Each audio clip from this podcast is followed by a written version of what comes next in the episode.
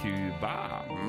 Kremtopper. Snort, snop og spill på Radio Nova. Åh, det er en deilig lørdag i dag klokka 11. Men vi mangler en i studio. Men frykt ikke, jeg og Sander vi er her. Og vi skal ta med deg gjennom hele to anmeldelser i dag. Det, altså, det, det har blitt anmeldt mye den siste uka her. Du har blitt anmeldt, jeg har blitt anmeldt, og noen spill skal bli anmeldt. Sofia har blitt anmeldt, det er derfor hun ikke er her. Ja. Og ikke bare det, vi skal gå litt inn i retrospillverdenen, for retrospillmessa er rett rundt hjørnet. Ryktene har begynt å flomme om Nintendos nye konsoll. Hva er det neste steget etter Switchen? Og hvordan kan du få spilt alle disse bisarre eh, mobilspillene som du konstant får opp som reklame på Facebook, Instagram, overalt? Vel, kanskje vi har funnet svaret?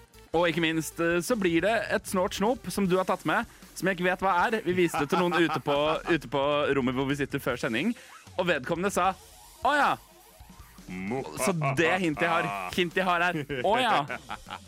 Det blir veldig gøy. Bare å glede seg. Men uh, frykt ikke, for jeg er med denne turen sjæl. Og det er bare å vente etter uh, nå.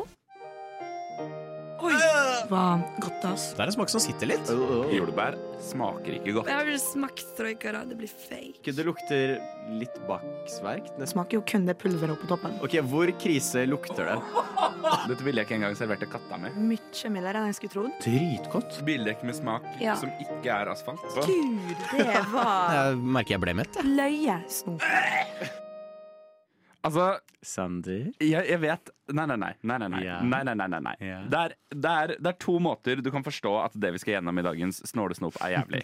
Den første er at Stian sier 'Å, fy faen, dagens Snålesnop er så jævlig', ass. Og den andre er når du ber meg om å ta opp kamera. Det var veldig god etterligning av stemmen min, forresten. Når du ber meg om å ta opp kamera, så skal vi spise dritt. Sist var det sirisser og papp. Altså, dette er jævlig. Hva, hva er det du har gjort? Jeg har vært på Sørlandet, På Sørlandet? og der skal jeg stikke Jeg skulle stikke kjapt innom Normal, for jeg skulle ta bussen til Østlandet. Og der har Fordi, de en fordi vi har ikke normal i, her på Østlandet, tenker du? Nei, men det hjelper ikke når jeg er på bussen og trenger noe å ete. Eh, og så, idet jeg går inn der, så står det 'Dette er to separate butikker'. Så er det sånn, wow, ok, chill. Og så ser jeg at det er en butikk som også heter Blanda snop. Så sånn, jøss, jeg, snop det er et, en tredjedel av vårt program. Hva er de to andre? Snålt og spill. Så jeg går inn, og hva er det første som blikker meg? Eh, vel, de hadde Haribo, Super Mario Haribo. De Gøy. hadde Pokémon Bubble Fizz. Gøy. Nei, det er ikke gøy. Dette er gøy! Harris Carolina Reaper. Nei, fy faen. Flavored extra hot. Choose your heat. Family made in USA. Så jeg tenker, Sofie er i USA at the moment. Da må jo vi eh, få en liten smakebit på hennes liv. Dette gidder jeg ikke. Eh, men, men ta det med ro. Ta det med ro. Jeg vet dette kommer til å bli jævlig. Det kommer til å bli jævlig. Ja. Og jeg vet at ingen av oss tåler melk. Ja. Ja.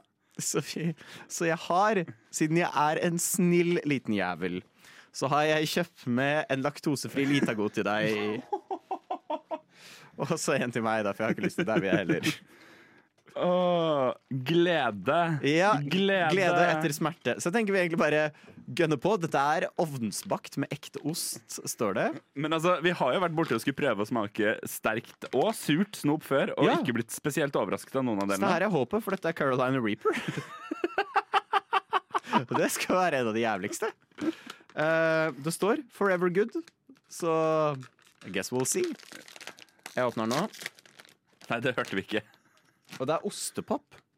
Altså, jeg beklager. Jeg- sitter nå og instant ser over på hva du driver med. Ingen må, må gni seg i øyet etter å ha rørt denne posen, by the way. Står det på pakka? Nei, snakker av Ja, og de var erfaring. svære. De er svære. Det er altså Det ser- det er sånn, sånn frokostpølser i Storbritannia. Du, Slutt å kødde. Det er på størrelse med lillefingeren min. Det er jo lillefingeren min. Du har en svær lillefinger. Ja, jeg, er Sjukt. Ja.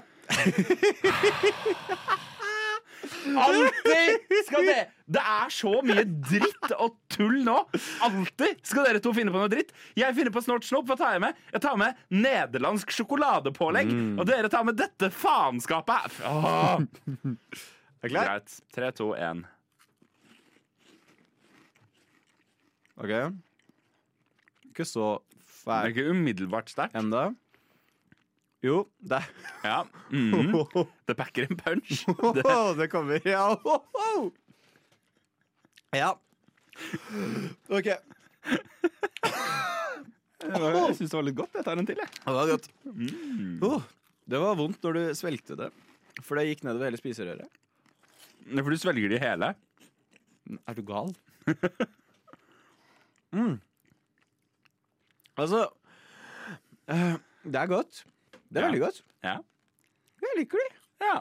De er ikke, de er, de er ikke ubehagelig sterke. Jeg kjenner at svetten begynner å piple brann faen Ja. eh, det, det, det, og at jeg mista muligheten til å prate, åpenbart. Men eh, det, Jeg kjenner, dette var jeg ikke så skjønner det, er, det er sånn to-tre alarmer som går opp i huet mitt. Det kjenner jeg. Men jeg får litt lyst på som en en som er glad i spicy stuff, så var det Ja, jeg tar den til. Og jeg er nesten litt skuffa. til. Altså, før eller siden så må vi jo bare gjøre sånn Ja, og da skal vi brenne tunga vår på et strykejern. Jeg syns neste gang skal jeg ta inn en Hva er den verste? Hva er det verste som fins? Er ikke Car- Carolina Ripper noe av det verste? Jeg må være den verste. Jeg skal finne den på sånn tre milliarder Scoville units. Men um, jeg er veldig glad for at vi har Litago. Jeg er veldig glad for at vi har Litago.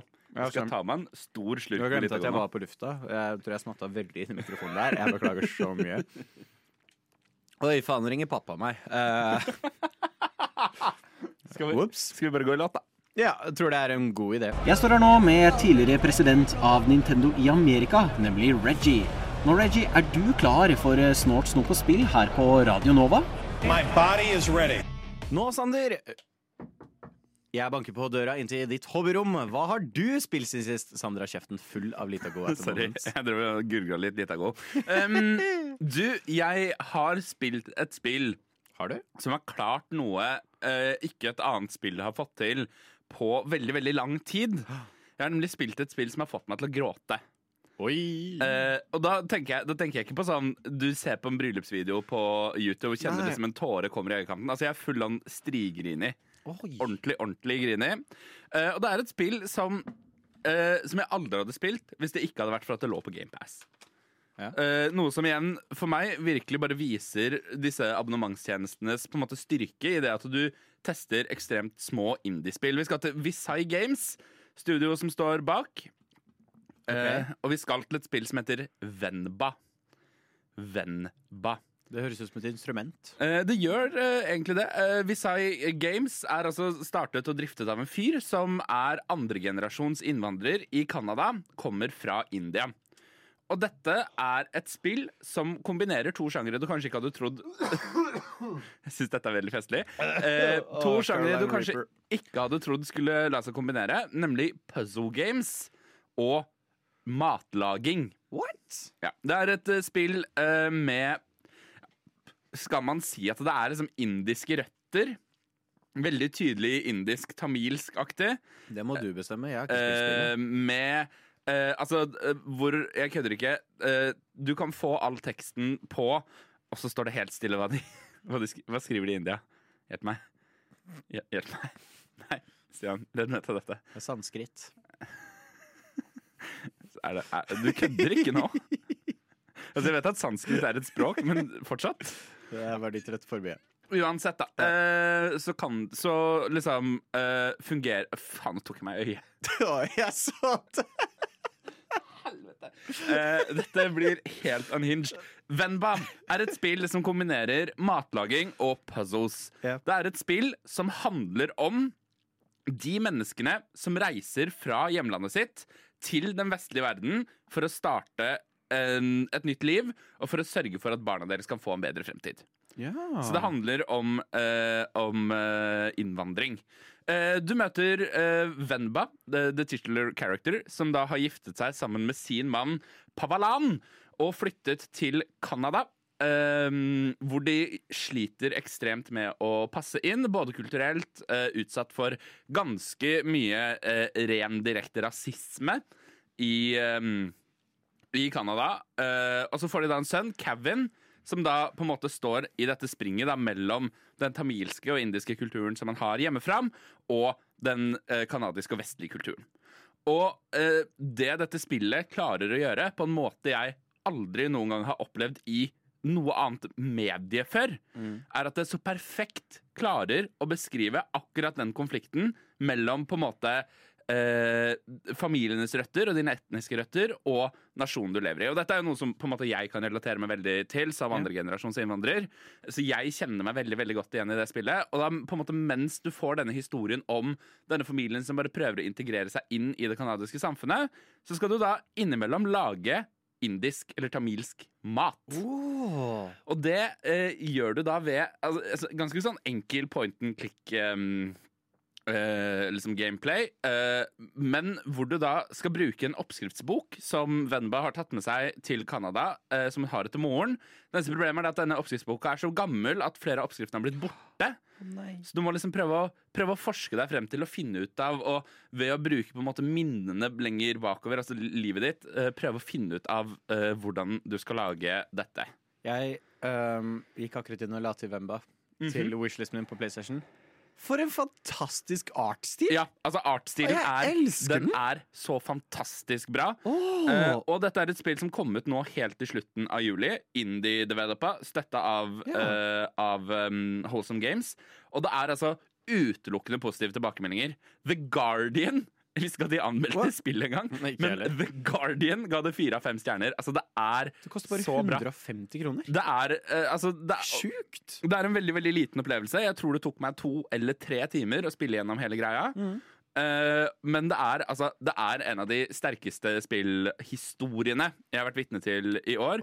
Og ligger altså nå så høyt oppå lista mi over spillene fra 2023 som på en måte eh, Som jeg syns er best, og ikke minst spillene jeg har spilt gjennom i mitt liv som har gjort størst inntrykk på meg.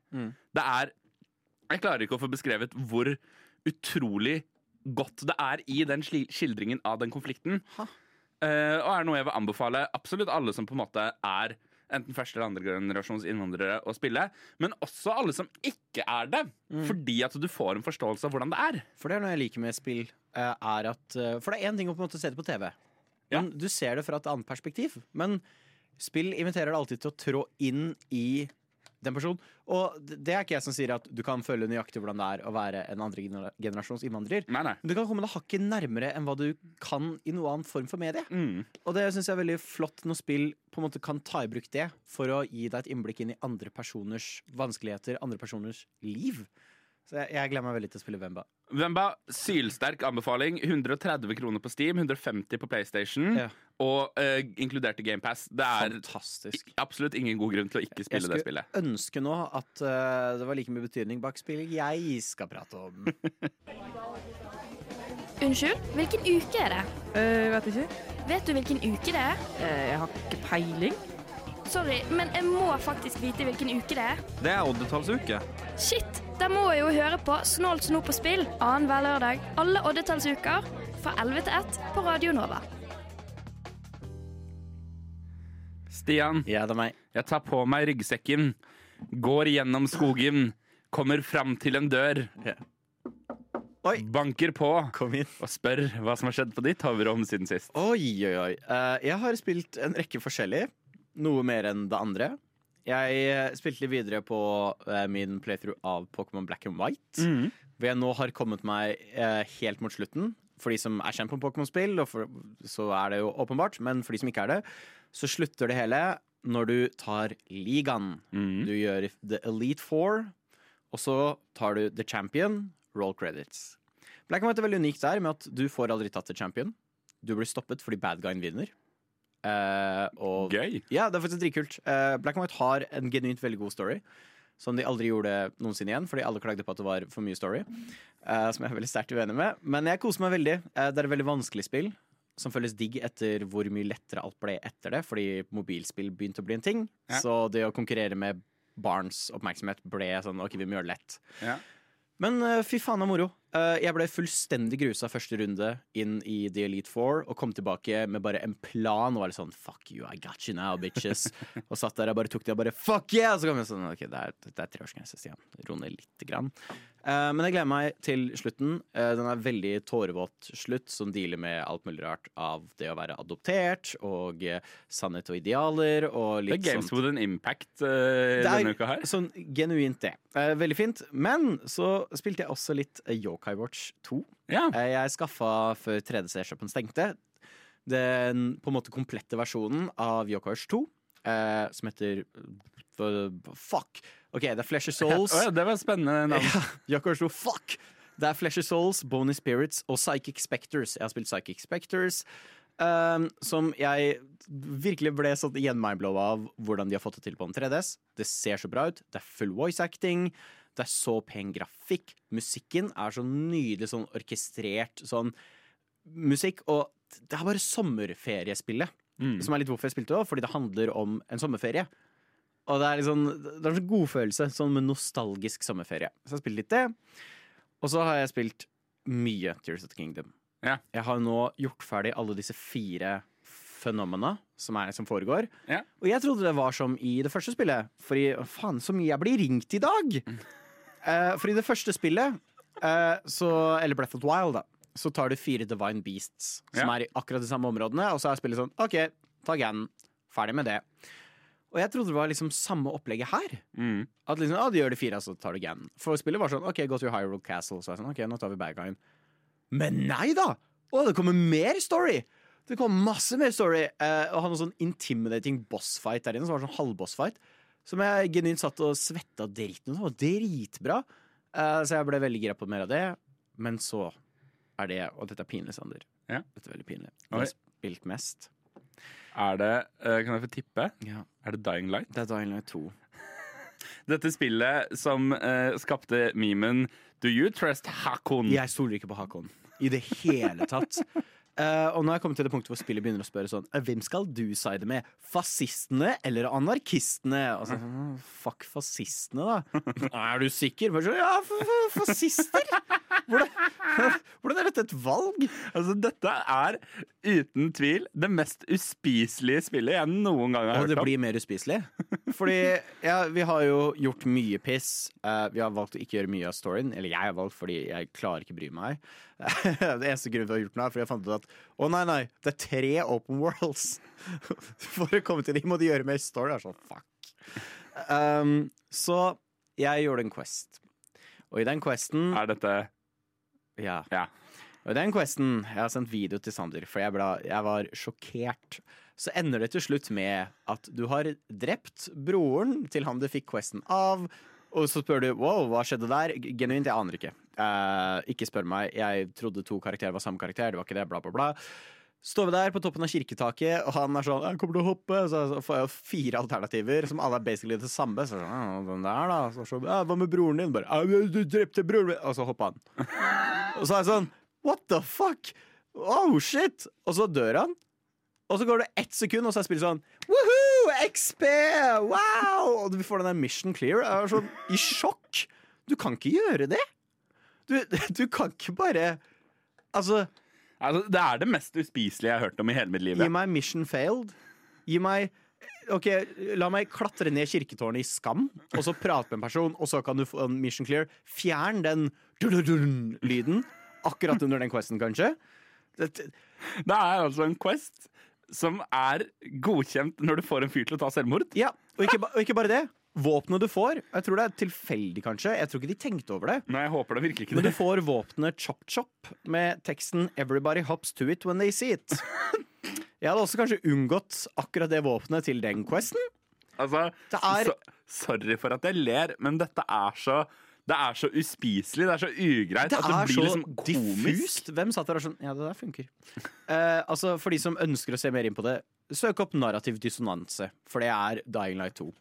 Eh, jeg har begynt å nesten bli litt glad i hvor glitchy og buggy det spillet er. Vi skulle snike inn i en butikk, fordi når du er i butikk på natta, så er de store, skumle karene de er borte. Så er det sånn, ok, men da går vi inn her.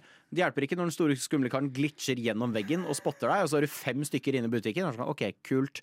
Uh, men så kom jeg på, men faen, jeg har kjøpt C4 for 1000 kroner, så jeg bare drev og rigga C4 opp i hele butikken. Uh, men det bare ett problem, da. Du kan jo faen ikke trykke på aktiver C4. De fleste spill. De gir deg C4. Du har spilt mye COD. Hva gjør du da? Du får en separat trigger til C4-en, gjør du ikke det, Sander? Som du selekter. Nei, nei, nei. Her må du aktivt se på C4-en for å kunne trigge det.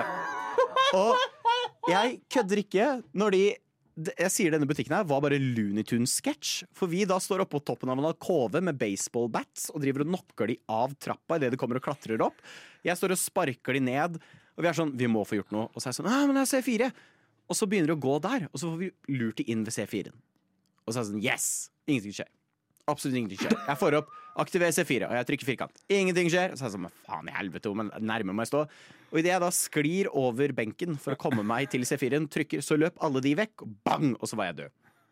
Og det var sånn OK, pustepause. Jeg elsker dette spillet! Helt elsker dette spillet! Og dårlig det det funker. Jeg, jeg har kjøpt masse miner. Jeg har brukt masse penger på å lage miner. Uh, legger de ut, men draw distancen er så dårlig at du må praktisk talt stå fire meter unna den minen for at den skal gå i filler. Altså, det er helt tullete. Så alt det der er bare oppskrift på å dø. Kompis av meg, han fikk dynamitt. Uh, den dynamitten endte med å bare one-shotte alle bossene. Så vi har bare tatt de vanskeligste bossene i spillet med å bare kaste én dynamittgube på dem. Se de gå kabang. Og så, ah, ok, ferdig med det. Helt tullete. Er null balancing. Jeg har fått, jeg har fått en katana nå som jeg kan skyte lyn ut av. Og nå er jeg jo nå er jeg spillet Altså, jeg behøver ikke noe annet. Jeg kan dropkicke, og jeg har en katana. Det er Det er fanta... Altså Jeg er tom for ord. Det er en fem av ti spill. Eh, Jeg hadde aldri i livet klart å spille det hvis det ikke var for at det var co-op. For co-open er gøy. Brukte en time i går på å klatre opp en vindmølle. Så tok jeg zipline av vindmøllen midt ute i et område som umiddelbart drepte meg. Og jeg var sånn, hva faen, hva er dette for noe design? Og så finner jeg ut av Nei, fordi når du har gjort questen der Du skulle bare klatre opp halve vindmølla, så skal du tilbake til tyskeren som har en sønn som er italiensk, og så skal du klatre opp vindmølla på nytt! Men da har du tid på deg, og da raser vindmølla ned, og da skal du ta zipline, for da knuser ziplinen, du faller ned i vannet. Selvfølgelig! At jeg ikke tenkte på det! Og det verste av det alt, Sander Du vet når det er en karakter, og det er sånn ah, Han kommer til å dø, kommer han ikke? Jo. Ja, ja dette er hver Biddy Quest.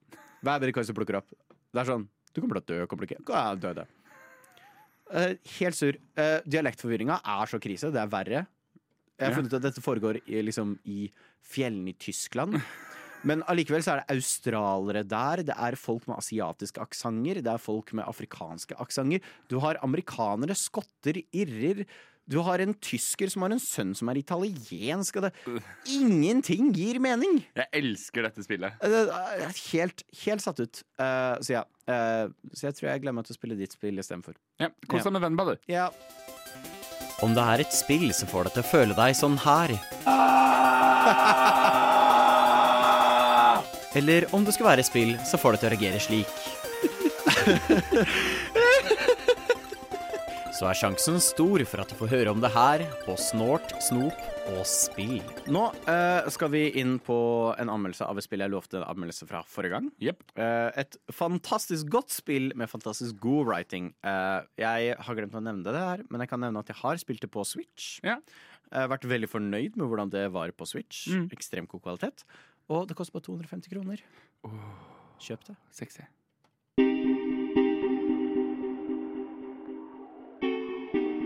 Det første Oxenfree-spillet er et spill jeg alltid anbefaler, både til de som har spilt masse, og til de som vil begynne å spille.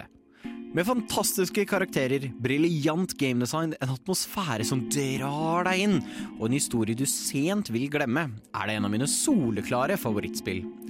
Så når en oppfølger ble annonsert, var jeg i ekstase.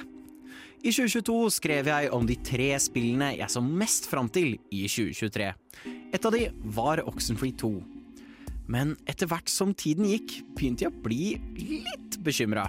Hvordan følger man opp et mesterverk? Dette er hvordan. Bury me where you can't see water. Come in, Riley. If you're there, pick up, please. Yeah, hi. Welcome to Kamina. Over the last few months, Kamina's been overrun with disruptions in the electromagnetic spectrum. Oxenfree 2 Lost Signals foregår noen år etter det første spillet. Den mystiske Edwards Island står fortsatt sentralt til historien, men denne gangen foregår historien på fastlandet, i den fiktive byen Kamina i Oregon. Vi har også et helt nytt cast med karakterer. Den eh, slitne og sarkastiske Riley Poverly er vår protagonist denne gangen, og som fast følgesvenn har vi Jacob Summers, en ensom og smådeprimert altmuligmann. Riley Poverly har av ukjent årsak dratt tilbake til hjembyen sin, Camina, der hun har skaffet seg en ny jobb som montør av radioantenner. Det tar ikke lang tid før alt går til helvete når den første antennen tuner seg inn på Edwards Islands frekvens, og The Sunken fra det første spillet kommer tilbake. You children will never learn.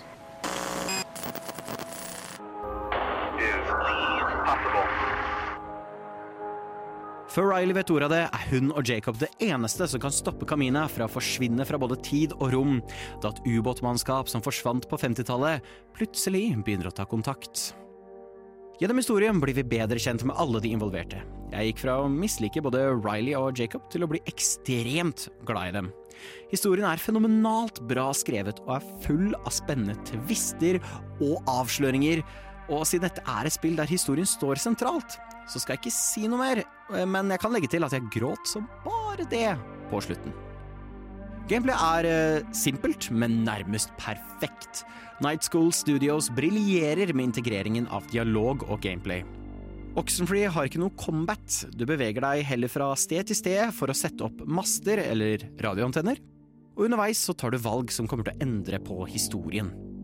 Under samtaler har du alltid tre dialogvalg. De er sømløst integrert inn i spillet, og i motsetning til de fleste spill i samme sjanger, så glir samtalene helt naturlig. Det er aldri noen rare pauser eller noe stutter det du velger hva du skal si. Riley kan avbryte andre karakterer midt i setninger, og det føles helt naturlig ut, som om det skulle vært i manus. Valgene du tar, endrer mye på hvordan samtaler går, hvordan relasjoner blir mellom karakterer, og skjebnen deres. Jeg fikk umiddelbart lyst til å spille spillet gjennom en gang til, så jeg kunne ta andre valg og se hva som skjedde da. Oxenfree 2 har aldri dialogvalg som er snille, slemme eller nøytrale, som både skaper mer naturlig dialog, men også gjør det mer gøy å velge hva du har lyst til å si. Radioen fra det første spillet er tilbake. Du kan når som helst skru den på og tune inn til en lang rekke med frekvenser. Lydene fra radioen skaper en uneasy atmosfære. Alt fra kryptiske beskjeder, morsesignaler, støy med hint av noen stemmer i seg, og mer ordinære radiostasjoner som prater om matlaging og generelt problemer. Jeg gleder meg til å se hva slags hemmeligheter folk klarer å dekode ut ifra disse radiokanalene. Radioen brukes også aktivt i spillet for å løse både puzzles og for å lukke rifter i tid og rom. Riley, come in, Riley. Can you hear me? Riley? Riley, are you there?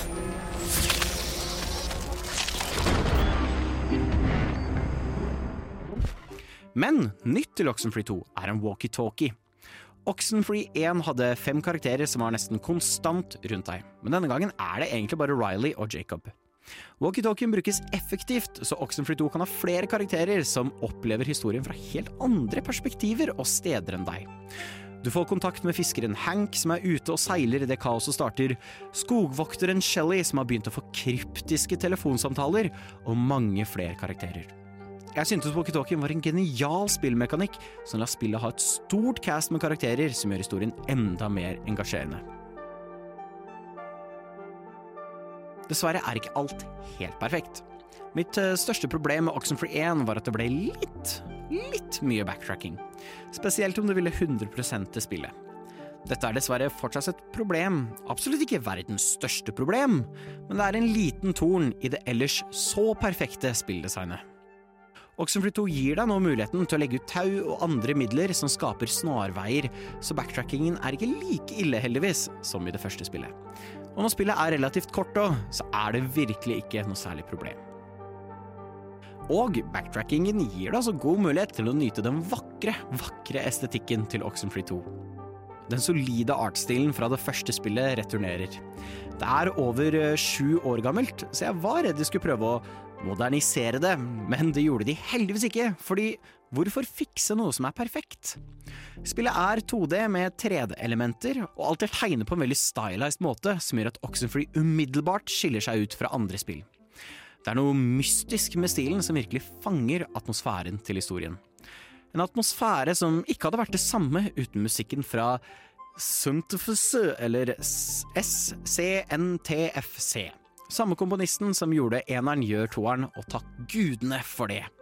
Musikken har en slags mystisk 80-talls synth-vibe til seg, og som i det første spillet så leker han veldig med musikken for å være med på å fortelle historien. Phrase that popped into my head sort of early on, but I kept coming back to is the game is haunted.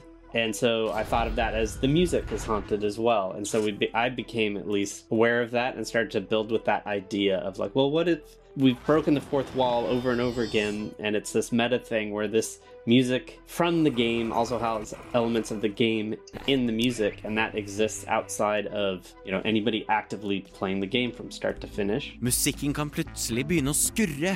Det kan virke som det er noe radio interference som dukker opp inni der. Og jeg vet at musikken til det første spillet hadde morsekode i beaten sin, og jeg tipper det er noen slike hemmeligheter her òg. Det er vanskelig å beskrive hvor bra musikken er, men du har hørt den gjennom hele anmeldelsen, så ta-da! Alt i alt er ikke bare Oxenfree 2 Lost Signals et fenomenalt spill, men det er òg en verdig oppfølger. Det bygger perfekt på det første spillet, uten å bare kopiere hva som gjorde det første bra. Riley var en utrolig god protagonist, og Jacob var en glede å ha med seg. Med godt skrevet karakterer, dialog og en helt prima historie, og gamedesign som komplementerer alt det, så er Oxenfree 2 en ekstremt lett anbefaling. Ikke bare for deg som elsker spill. Nei, dette er et spill absolutt alle kan spille. Så lenge du har spilt det første, da. Jeg gir Oxenfree 2 Lost Signals 85 av 100 troikabarer. Definisjonen på short and sweet.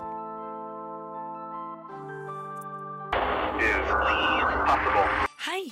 Er du på leit etter et nytt radioprogram å høre på som handler spesifikt om spill? Ja! Så flott! Da anbefaler jeg Snålt snop og spill på Radio Nova. Har du hørt om de? Nei, det har jeg ikke! Så flott! De spilles hver andre lørdag i oddetallsukene fra 11 til 1 på Radio Nova. Så tøft! Det skal jeg sjekke ut. Så flott! Jeg har sittet i det siste eh, mens jeg har spilt Dying Light 2. Ja. Og så har jeg pratet med de jeg spiller det med, Jonas og Kristiane. Sånn, Shout-out til Jonas og Kristiane. Skjønner ikke at dere orker å spille det spillet. Anyway! Skjønner ikke at du um, orker å være venn med meg. vi, um, jeg har pratet litt og vært litt sånn OK. Jeg vurderer litt å skaffe den derre DualSense Edge. Ja. Den der fancy uh, PlayStation-kontrolleren.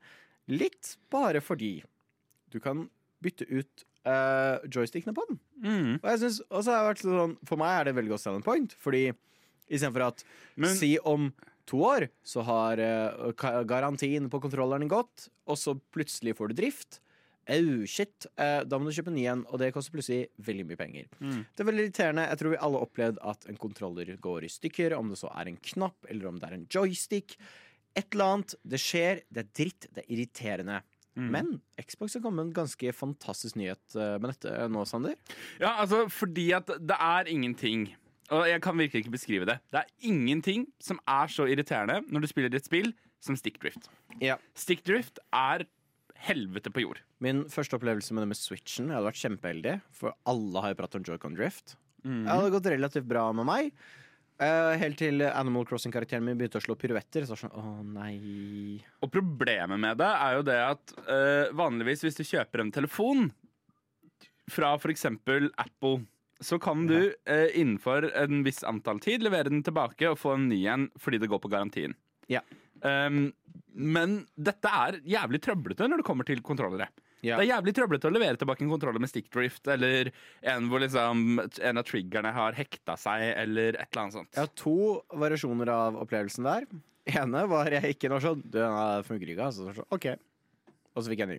Men det har også vært noe sånn det funker ikke, altså. bare så, OK, kan du bevise? Bare, bevise? Skal jeg ta med PlayStation TV? Hva? Hæ? Uh, så det er litt sånn 50-50.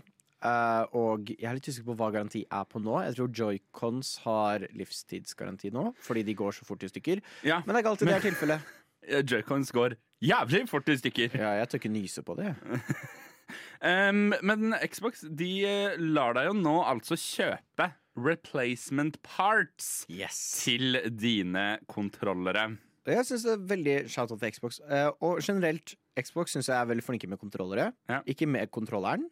Uh, kontroversiell mening, men jeg syns de har litt kjedelige kontroller i seg selv. Det at du Altså hva som er i den. Jeg syns innmaten er litt kjedelig. Det er ikke noe sånn Nå har vi haptic feedback, vi har uh, adapted triggers osv. osv. Litt kjedelig ikke ha det. Uh, jeg syns touchpaden er veldig kul når spill bruker den. Litt kjipt å se det ikke har det. Men jeg syns Xbox har vært veldig kule med hvordan du kan customize kontrolleren din. Du kan Mm. gå og lage din helt egen personlige kontroller inne på nettsida til Xbox. Ja, eller sånn som, sånn som jeg, da, som har en Xbox Pro-kontroller. Ja. Altså uh, basically det samme som en PlayStation 1, bare til Xbox. Uh, jeg kan jo bytte ut veldig mange deler, sånn at de er akkurat sånn som jeg vil ha dem. Jeg liker eksempel ikke D-paden når den er sånn flat. Den har jeg bytta ut med, vanlig, med et vanlig kryss. Jeg har litt kortere på en måte eh, stikk, altså den biten som stikker opp av stikk. Mm. Men hvis jeg vil ha dem lenger, så kan jeg bare bytte ut det. Altså, det er kjempedeilig. Og det har jo vært grunn til å skaffe sånne Edge og sånne Pro-kontrollere. Er jo at å, Da kan du bytte ut knapper og sånt. Og det er jo veldig kult at du kan vel for så vidt ikke bytte ut, men det at hvis D-paden din går i stykker, Mm. så skal du nå kunne bare ringe selveste Bill Gates og være sånn Du, Bill, skjedde Du, igjen, ass. nå må du slutte å tulle. Du ringer Phil Spencer. Ja, ringer Phil Spencer sånn. Phil, vet du hva? Sjukt. Skjedde igjen. Katta mi spiste D-paden. Og så kan du få en ny D-pad.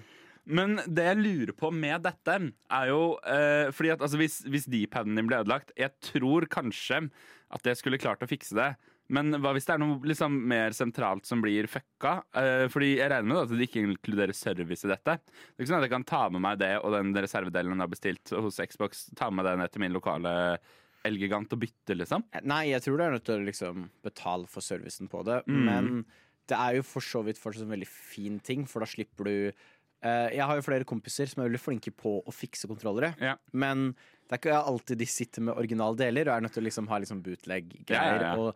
For de som har eh, vokst opp i den tida hvor man hadde en GameStop-kontroller sammen med sin vanlige PlayStation 3-kontroller, ja. du ga den til de som var på besøk. Ja, ja, ja. ja, ja, ja. Den Ja, ja. føltes yucky ut. Uten tvil. Men altså, det er, det er helt fantastisk genialt. Jeg Mm. elsker det, og ikke minst så er det jo Vi må jo på en måte også anerkjenne de tidene vi lever i, da. Altså, hjemme hos meg, i leiligheten min nå, der ligger det fem, fire eller fem Xbox-kontrollere jeg aldri bruker. Fire eller fem Xbox-kontrollere jeg aldri bruker. Eh, og fordi jeg jo bruker pro-kontrolleren min, eh, stort sett. Eh, hvis jeg spiller med noen, så får de låne en, liksom. Men annet enn det, så bruker jeg dem aldri. Det er et waste. Det er et kjempewaste. En av dem fikk jeg stikkdrifts på. Det var bare sånn, ja ok, du er ferdig. Jeg må kjøpe meg en ny Du er liksom. definisjonen av bruk- og kastsamfunnet, du. Ja, jeg er det! Det er. Jeg er bruk- og kastsamfunnet. Fy faen, du er verre enn. Taylor Swift. Men det er jo da nydelig det at man faktisk kan på en måte gå bort fra det at du må kjøpe en ny en, men at du faktisk kan reparere dem. Ja. Selv om det åpenbart betyr kutt i kostnadene for Xbox. Hvis ikke jeg må gå inn og bytte, kjøpe en ny kontroller hver gang jeg får stickdrift. Yeah. Nei, jeg, jeg ser fram til det. eh, så er jeg veldig spent på å se om noen flere gjør det. PlayStation, deres nye kontrollere har hatt litt mye sikkdrift, Og Altså, Nintendo Fordi at det må jeg uh, kunne si. Jeg har jo en uh, PlayStation 5. Uh, og, Ja, da har du lov til å si det. eh, og den kontrolleren, eh, den kjennes jævlig skjør ut. Å ja. Nei, jeg, jeg Eh, syns det føles så premium ut, Ja. Oh, ja, Men- nei. Jeg er livredd for at et eller annet skal fucke seg på den kontrolleren. Oh, ja. Jeg er livredd. Ja, nei, jeg, jeg liker det. Jeg syns det er veldig heftig, sånt men stikkdrift har jeg hatt problemer med på tre kontrollere. Eh, men de har vært veldig ålreite med garantien. Jeg har fått bytta det ut. Men det er fortsatt bare irriterende. Jeg vil helst slippe det eh, og bytte ut hele kontrolleren. Så hei! Hei! Lærer? For første gang lærer av Microsoft. Oi! Oi, Er det, er, det, Xbox. er det premiere på lærdom i denne Første gang noen har sagt den setningen. Siden sånn 2010. Insane. Oi, er det, er det lyden av Den relativt rolige Time 2 jeg hører. Hva tenker du på? Tenker du på den beryktede Time 2? Ah, der var den igjen. Vet du hva? Hvorfor den er beryktet, det vet vi ikke. Kanskje du finner det ut nå når Time 2 dukker opp. Eh, Jeg vil bare skryte av oss, for dette er første gang Time 2 faktisk har kommet før Time 2 er godt i gang. Jeg er så stolt, jeg. Vi skal prate om mobilspill som du nå faktisk kan spille for første gang noensinne. Vi skal eh, innom eh, ESRB, som innfører skal vi si en ny type eh, måte å sørge for La at man det følger slik. Salgen av. GTA kommer til å gå rett i dass, og sammen med Call of Duty. hey. Nintendo, hva er det dere har på horisonten? Er det noe nytt og spennende? Og så ble jeg litt sjalu på deg i stad, fordi at du hadde en anmeldelse, så jeg vil også ha en anmeldelse. Så jeg Oi. laget en anmeldelse. Det var så bra.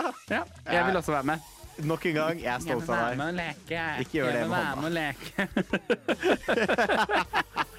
Alt det og mer får du høre i hvert fall nå som time to kommer rett rundt hjørnet.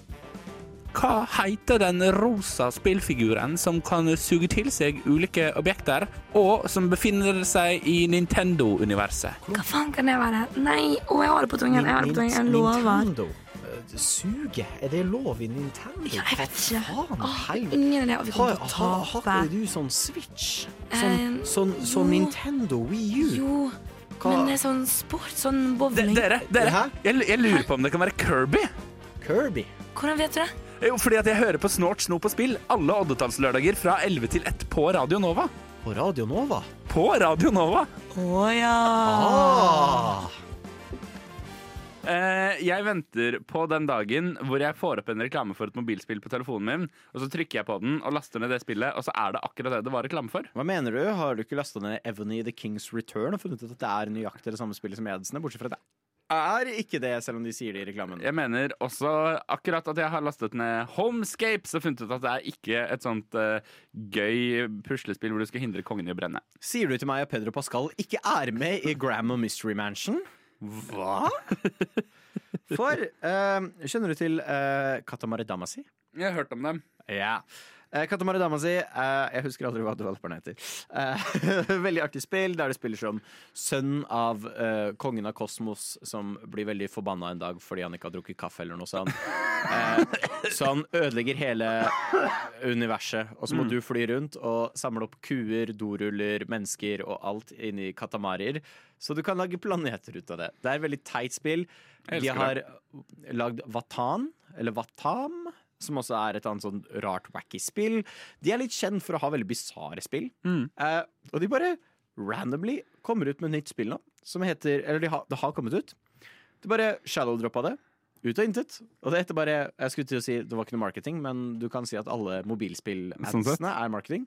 Det heter eh, Yeah, you want those games, right? So here you go. Now let's see you clear them.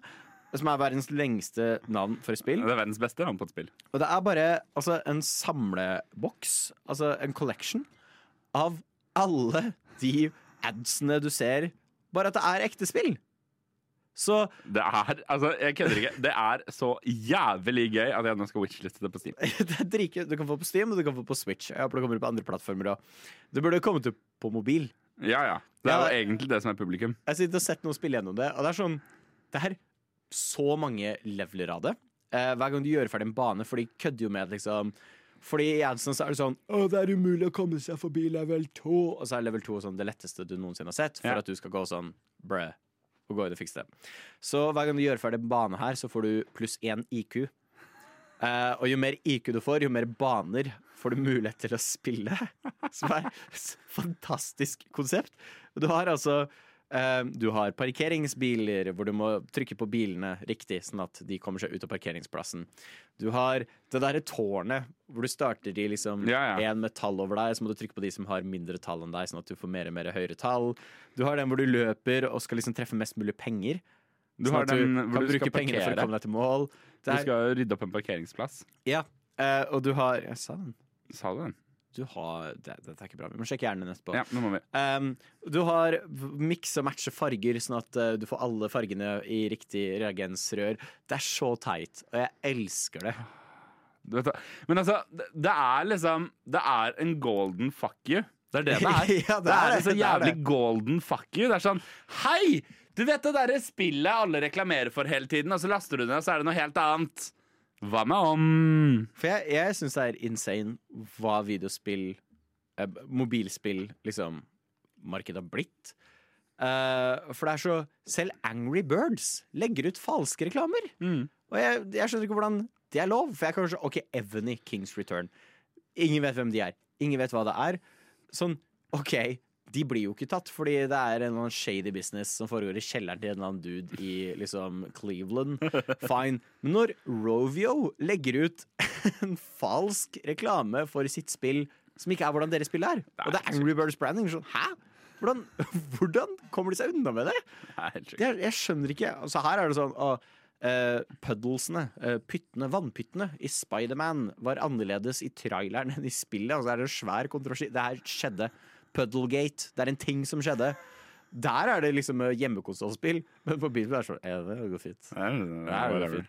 Det er som jeg ser en sånn veldig flott GTA-stilaktig reklame for noe, og så går jeg inn og sjekker. Så er det sånn, ja, det er bare en klone Angry Birds. I- Altså, jeg okay. hyller dette. Jeg hyller dette så jævlig hardt. Jeg syns ikke- jeg synes flere spill må gjøre, må gjøre dette. Ja. Så, Helt riktig. Nei, Det jeg er ikke noe- det er- det er fasit. Katamari Damacy-team. Veldig fun. Veldig fun. Eh, hva for noe wacky tror du de gjør neste gang? Hva annet Um, piss kan de gjøre? Jeg håper at de lager en Litago-simulator, hvor du bare drikker Litago. Mm, jeg er med. Jeg lover, Det er ikke bare det første jeg så. Jeg tenker jo. Jeg har begynt å få masse reklamer for mobilspill som, hvor de hevder at ja, du kan få ekte penger. Du kommer til å få ekte penger av oss. Som igjen, bold move. Eh, jeg føler jeg lett kan saksøke dere over dette. Men jeg syns Katamari-folka kan lage det. Yeah, you want that money? Well, get it. Et eller annet sånt. Ja, Kan, kan du bare si tittelen en gang til for de som ikke rakk å skrive den første gang? Ja, OK. Uh, jeg må bare finne det fram først. Yeah, you want, Want those, those games, Eller, right? Those games i anførselstegn, det er viktig. Yeah, you want those games, right? So, So here you go. Now let's see you clear them. Å blande snålt snop og spill? Uh, det vet jeg ikke helt om kommer til å fungere. Hva tenker du, Todd Howard? All of this just works. I'm not kidding. Men du, Stian. Det er meg. Jeg lurer på en ting. Ja. Da du var 13 år, Mm, ja. eller sånn ish der, rundt der en gang, 13, kanskje vi var 15, jeg husker ikke, dro du noen gang til Nordby kjøpesenter og fikk faren din til å kjøpe en kopi av GTA 5 for deg? Pleide du å dra til Nordby senter for å kjøpe spill? Ja. OK! Nei, jeg dro på Strømmen Storsenter. Og fikk faren din til å kjøpe en kopi av GTA 6 for, 5 for deg? Nei, de kan blanke faen, så jeg kjøpte det sjøl. jeg husker da min store debatt om å prøve å få skaffe Skyrim av uh, mamma uh, og pappa. eh, som var 18-årsgrense, men alle spilte det i 2011, når jeg var sånn 12 år. Um, jeg fikk aldri Skyrim. Jeg hadde noen veldig gode argumenter, som at det er bare 18 fordi det er veldig vanskelig å spille. Det funka ikke. Sjukt, I know.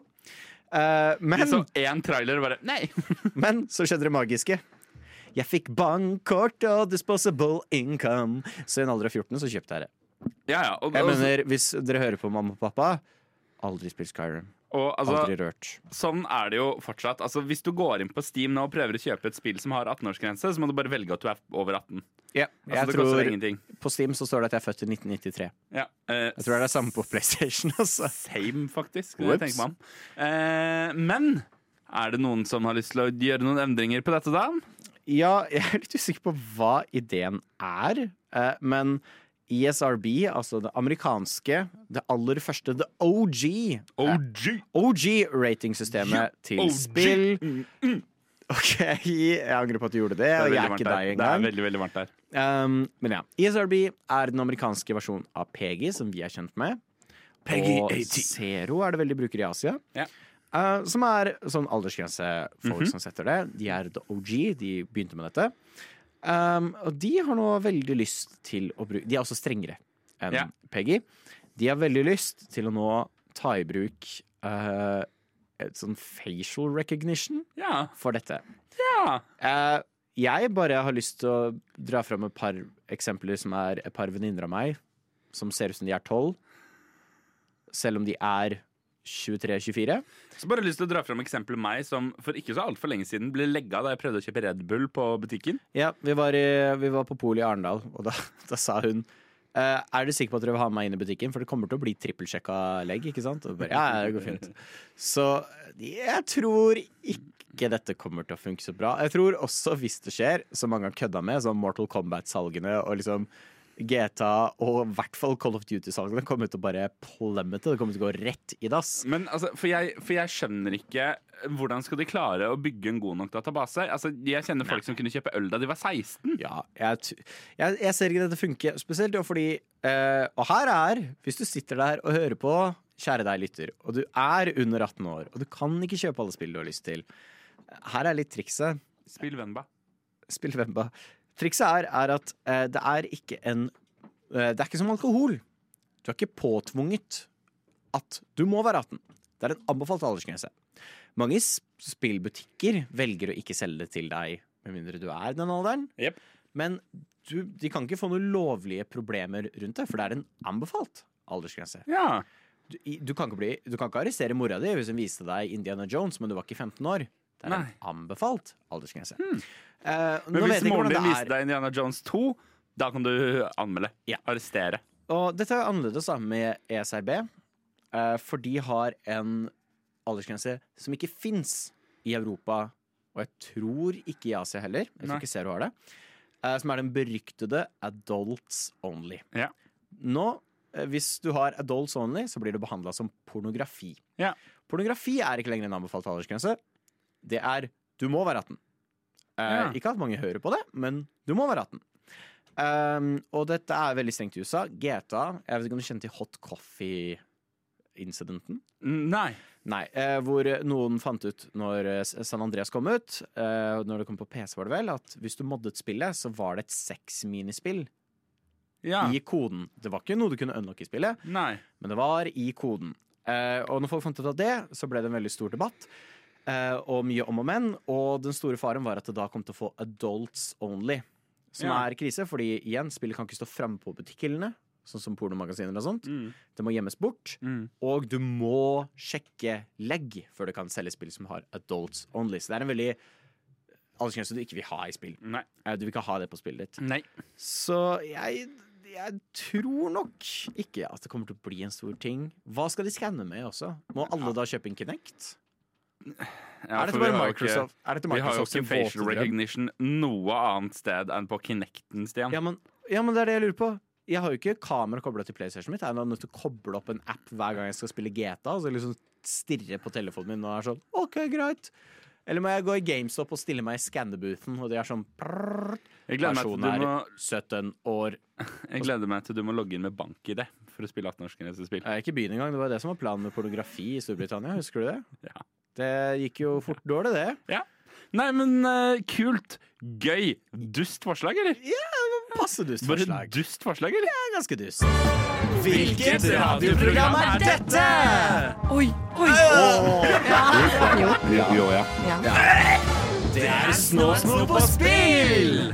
Jeg vil ha Gro Harlem Brundtland i. Hadde ikke det vært helt vilt fett? Nintendo. Eh, og Nintendo leverer som et selskap som er utrolig glad i å spise sine egne buser. Eh, vi har hatt Vi har Nei, hatt hva faen betyr det? Ikke spør. Jeg syns, jeg syns spiste plastelina-kommentaren din forrige gang var så gøy, og så prøvde jeg å komme på min egen, og så ble det spist sine egne buser. Vi har hatt Nintendo Wii, vi har hatt Nintendo Wii U, vi har hatt Nintendo Switch, Ja. og nå kommer Nintendo What. Vet du hva, det er det de kommer til å kalle den. Eh, Nintendo har jo nå hatt Switchen siden 2017. Ja, det er, begynner å bli en gammel konsoll. Det er seks år. Seks år, ja. Helt riktig. Um, seks og et halvt år. maths. Eh, vi kan gjøre matte. Men uh, som sikkert kanskje mange vet òg, er jo at Switchen er egentlig hardware fra 2012. Ja.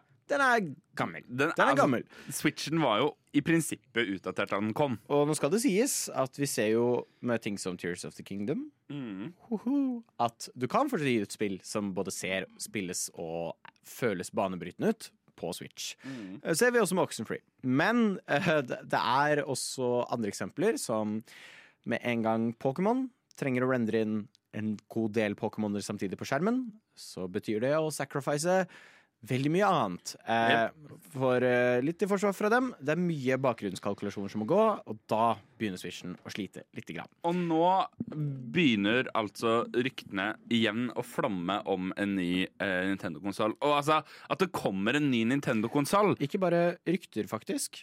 Nå har, ifølge Eurogamer, Ja. har development kits blitt gitt ut. Ja? For den neste Nintendo-konsollen. Og eh, det er jo ikke noe Igjen, altså, det kommer en ny Nintendo-konsoll. Det er det samme som å si at det kommer en PS6. Eller det kommer en Xbox Promp og Fis. Ja. De kommer. De kommer, men det har Eh. vært mye spenning rundt dette, fordi folk har lurt på kommer de til å gi ut en bare oppdatering. Ja. En Switch Pro, som jeg vet ikke hva de kalte det. De hadde kalt det sånn Switch 2 og 3 kvart. Ja. Eh, og det har jo vært litt sånn som 3D-scenario, hvor 3DS-en levde veldig mye lenger enn forventet. Yep. Og kanskje det også kommer til å skje her, at vi så Switchen leve i ni år. Ja. Det gjør den nok ikke. Nei. Nå virker det som, ifølge Eurogamer, at vi får den mot slutten av 2024. Yes. Som putter Switchen på et helt normalt levetid for en konsoll. Uh, Og det de baserer dette på, er jo som du sa, rett og slett at jeg begynte å selge ut, sende ut developer kits. Altså disse, på en måte, uh, la oss kalle det uh, prototypene av spillkonsoller som sendes ut til developere, sånn at de skal kunne lage spill til den konsollen. Yes. Um, nå, litt sånn småpunkter her. Ja. Det virker som det fortsatt kommer til å være en Switch-deal, Ja. hvor du kan ha den håndholdt, og du kan ha den kobla til TV-en. Det er jo ikke sjokkerende, for det er jo fantastisk. Ja, men det er også Nintendo, så du veit aldri. Nei, nei, nei. Eh, Du vet Du vet aldri aldri hva det selskapet finner på.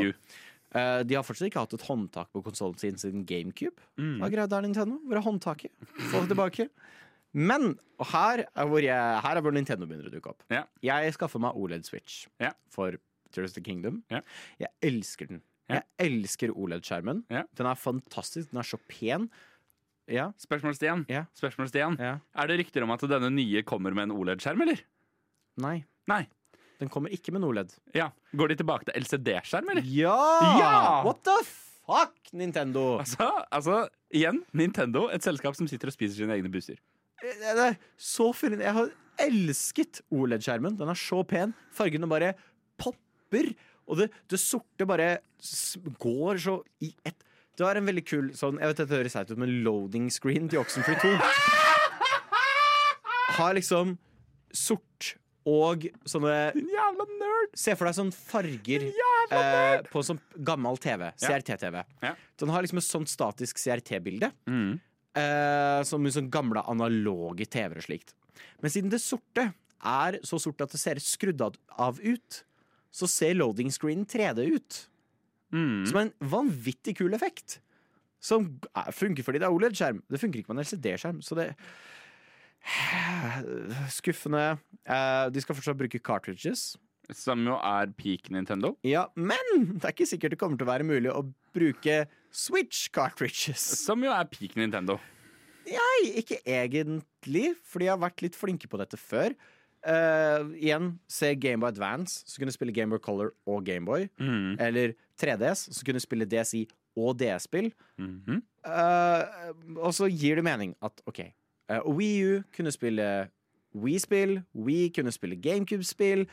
Det, det gir mening at jeg ikke kan stappe en CD inn i Switchen min. Ja. Men hvis det først er cartridges, la det være backwards compatible. Nintendo har ikke sagt noe rundt dette, men uh, flere third party publishers har gått ut og sagt at de, de vil ikke at det skal være en feature, fordi det kommer til å, og jeg kvoter, kannibalisere deres mulighet for å selge på nytt gamle spill på Nintendos nye hardware. Fuck you! Fuck you! Det er så You're a bastard! Fuck you! You're a bastard! You're You're a bastard! bastard! You're a Fuck bastard! Everyone is a bastard! Åh, det er så, er så frustrerende. samtidig så er det veldig deilig når folk viser sine true Colors shining through. You're a bastard. You just want money. Ja, uh, Har det sklidd ut, eller? det har sklidd ut. Skal vi bare si at det var det, eller? Nei, nei. Men uh, jeg tror det blir veldig spennende å se hva de kommer til å finne på. Hva er dine forventninger? Hva håper du å se i den nye Altså? Det jeg absolutt håper å se i den nye Switchen, som vi jo for så, vidt har fått bekrefta, er nettopp det jeg mener Switch, gjør Switch til en helt unik konsoll. Jeg kan ta den med meg hjem, sette den ned, spille på TV-en. Jeg kan ta den med meg og spille på banen. akkurat det mener jeg er et så pro fucking move. Det er så genialt gjort at det må være der. For Hvis ikke så ville det vært å gå tilbake i tid, liksom. Jeg tror mitt store håp eh, er eh, for denne bedre joycons. Eh, De er krampeinducing å holde. Også som ikke er konstant for drift, og litt bedre joysticks. Ja. Jeg håper virkelig at Jeg trenger ikke akkurat 4K. Nei. Det er ikke noe jeg behøver, Nei. men bare bedre prosessering Ja. og SSD. Fordi jeg elsker Tears of the Kingdom, men oh my god, er jeg bortskjemt på loading screens nå. Sånn, når jeg går gjennom lastetiden der, er sånn Jesus Christ, jeg savner SSD-en på PS5-en. uh, så en SSD hadde vært kjempedigg. Mm. Og uh, kanskje gjøre en uh, eh, premiere. Ny premiere på setning. Ja. Kanskje gjøre en Xbox. eh, hvor dere gir ut én Switch vanlig Ja. og én Switch med OLED. Ja. Fordi Nintendo Please, jeg elsker OLED-skjermen så mye. Jeg elsker den. Jeg hadde gifta meg med OLED-skjermen. Men det er jo bare Altså, jeg eh, kjen- kjenner nå at jeg gleder meg til denne annonseringen, jeg. Jeg skjønner at lommeboka mi gleder seg ikke.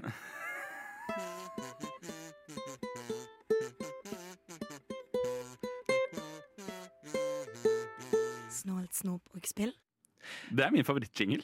Altså, av alle jinglene vi har. Jeg elsker, jeg elsker ukulele og kazoo-jinglen vår. Og den passer ganske godt inn i temaet, for vi skal prate litt om retrospill. Ja. Eh, vi skal prate litt etterpå om retrospillmessa, Ja. som er om ikke så altfor lenge. Men da har jeg lyst til å gi ut et lite kjærlighetsbrev om retrospill. Men før du gir ut et lite kjærlighetsbrev om retrospill, Stian Ja.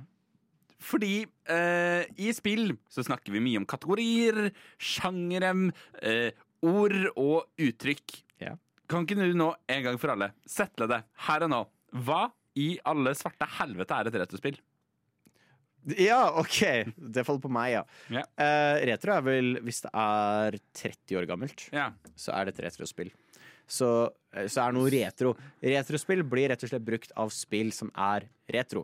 Uansett sjanger, uansett noe sånt. Mhm. Er det eh, Nintendo Entertainment? Er det SNES? Er det Sega Genesis? eh, Sega PlayStation 1? Hold deg fast nå. Begynner snart PlayStation 2 og egentlig bli retro. Jeg lurer på om det er 25 faktisk som er retrogrensa. Uh, Jesus. Ja. Sånne ting Christ. er retrospill. Ting som hvis du hadde gitt til en unge nå, så hadde de sikkert sagt Er dette noe bestefar spilte? Ja, retrospill. Um, så ikke nødvendigvis 8-bit må være retrospill, for det kan være retroinspirert. Mm. Stardew Valley. Ikke et retrospill, men inspirert av retrospill. Yep. Um, men eh, retrospill har en lei tendens i det siste til å koste skjorta. For det er jo eh, det, det er jo eh, gjerne sånn det er med eh, ikke bare spill, men alt. Altså Når det er ute av produksjon, eller Ja. når det begynner å dra litt på åra, så blir det dyrt. Eller har du prøvd å kjøpe et vikingsverd den siste tiden? Ja, men i motsetning til vikingsverd, eh, så er jo spillet et medium. Du kan sikkert fortelle historier med et vikingsverd. Oh, don't get me wrong. Ja, ja. Eh, Men det som er litt kjipt med spill, er at spill er et eh, historiefortellende medium. Mm. Og liksom, ja, Jeg kan ikke få tak i originalrullen som eh, legenden om Atlantis ble skrevet ned på. Men jeg kan stikke ned på ark etterpå, og så kan jeg kjøpe en kopi av det. Ja. Og det er det fine med det meste annet. Vi printer konstant nye kopier. Du er ikke nødt til å få tak i Moses' originale plater for å lese De ti bud. Du finner det printa i en bok. Du er ikke nødt til å jeg har lyst, jeg har lyst til å Kan jeg også få komme med et eksempel? Ja. Du er ikke nødt til å finne eh, gåten Gåtetavla sumerne skrev på, på fire, for 4500 år siden for å kunne løse en gåte. Det er så sant, Sander, og absolutt ikke en Jeg setup for noe. Nei, nei, lurt foreshadowing. Um, men uh, Og det samme her gjelder musikk. Det samme her gjelder Hva mener du? Må jeg ikke kjøpe originale Beatles-trykk for å kunne høre Beatles? Nei, det er liksom det. Ting blir printa ut på nytt og på nytt. Du får det på CD, så får du det på digital. eh, og det samme gjelder film. Men film deler litt med i hvert fall spill her. Med at ja, OK, men mye av spill, filmhistorien er borte. Det som er irriterende med spill, er at jeg kan ikke ta en Nintendo NES-cartridge og stappe det inn i en PS5. Nei. Det funker ikke. Nei. Du er I tillegg til å ha koden, er du avhengig av hardwaren. Mm. Du er avhengig av disse gamle tingene, og noe av det funker ikke engang med moderne TV-er. Vil du spille Duck Hunt, da må du ha en CRT-TV. Mm. Uh, og det, det kan gjøre det litt vanskelig å få tak i retrospill. Uh, det er frustrerende få som printer de spillene på nytt. Yep. Pokémon gir aldri ut sine gamle spill. Mm. Uh, som fører til at har du lyst på din Pokémon-spill, eller har lyst på gamle Pokémon-spill, ja, pung ut 2000-3000 kroner! Det er helt tullete. Ikke, og ikke fordi det er få av dem. Nei, nei, de var noen av de bestselgende spillene på DS. Nei, bare folk har lyst på det, så vi kan ta og øke prisen. Uh, som er kjipt, uh, og da kommer ofte emuleringsdebatten inn. Mm. Uh, jeg vet mange nå bruker denne. Hvorfor hacka du ikke DS-en din? Problemet er du, kan ikke alltid stole på det. Jeg lastet ned en emulator på PC-en min for litt siden. Jeg var nødt til å slette den fordi eh, CPU-en min gikk opp til 100 grader. Jeg brant meg på PC-en for å prøve å spille Pokémon Heartgold. Det er sånn som meg da jeg skulle spille Josefine i Gulrotparken. Så fikk du tredjegrads påbrenning. På låret. Huden på låret mitt bare smelta fordi vifta jobb overtid. Men du har nå lært alfabetet, i hvert fall. Så Du, nå må ikke du pisse på Josefine Gullutparken. Nei, jeg sier du lærte alfabetet mens du brant opp. Nei, ok, never mind. Så uh, retrospill er mm, også veldig kule, for det er ikke bare sånn Å, det er, det er noe gammelt. Men du får oppleve historier med det. Ja. Jeg har jo nevnt før når jeg spilte gjennom System Shock 2, Mm. hvor kult det var. Ikke bare fordi det er genuint kjempebra spill, Ja. men det var sånn Å, det er her alle disse spillene her har henta det fra. Mm. Det er der denne mekanikken kom fra. Å, du får liksom en følelse av historie. Mange av de holder seg til dags dato også. Mm. Uh, så nei. Uh, jeg vet ikke om du Hva Har du noe særlig forhold til retrospill? Altså, eh, jeg mener jo Helt uironisk. Vi kødder mye med Nintendo. Vi sier at det er et, et totalt tulleselskap. Men én ting har de gjort så jævlig riktig, det er Nintendo Online. Ja. Det er muligheten til å på en Nintendo Switch emulere gamle spill. Jeg har jo, eh, jeg husker ikke hvor lenge det er siden jeg snakket om det, at jeg hadde runda liksom Super Mario World. Ikke, ikke fire. Nei, Super nei. Mario World. Ja. Punktum. Bare fordi jeg kan. Du kan spille fuckings Donkey Kong på Nintendo Online. Altså, det er så nydelig. Det bare er så synd at den samme muligheten ikke ligger for alt. Pokémon, for eksempel. Hvor blir dere av, da?! Og det er også det som er litt irriterende, for Nintendo gir ikke ut alt.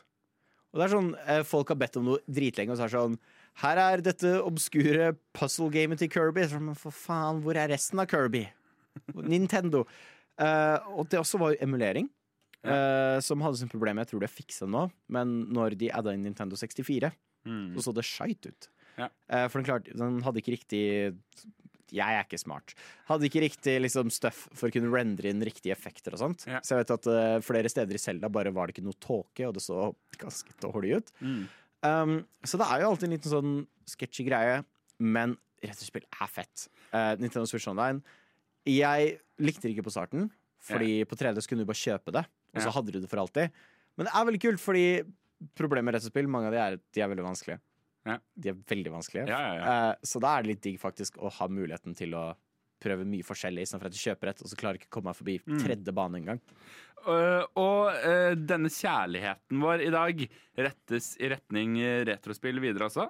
Ja, så absolutt. Vi skal prate litt mer om retrospillmessa etter denne. Ok, Chris, could you just, just do that last line one more time, please?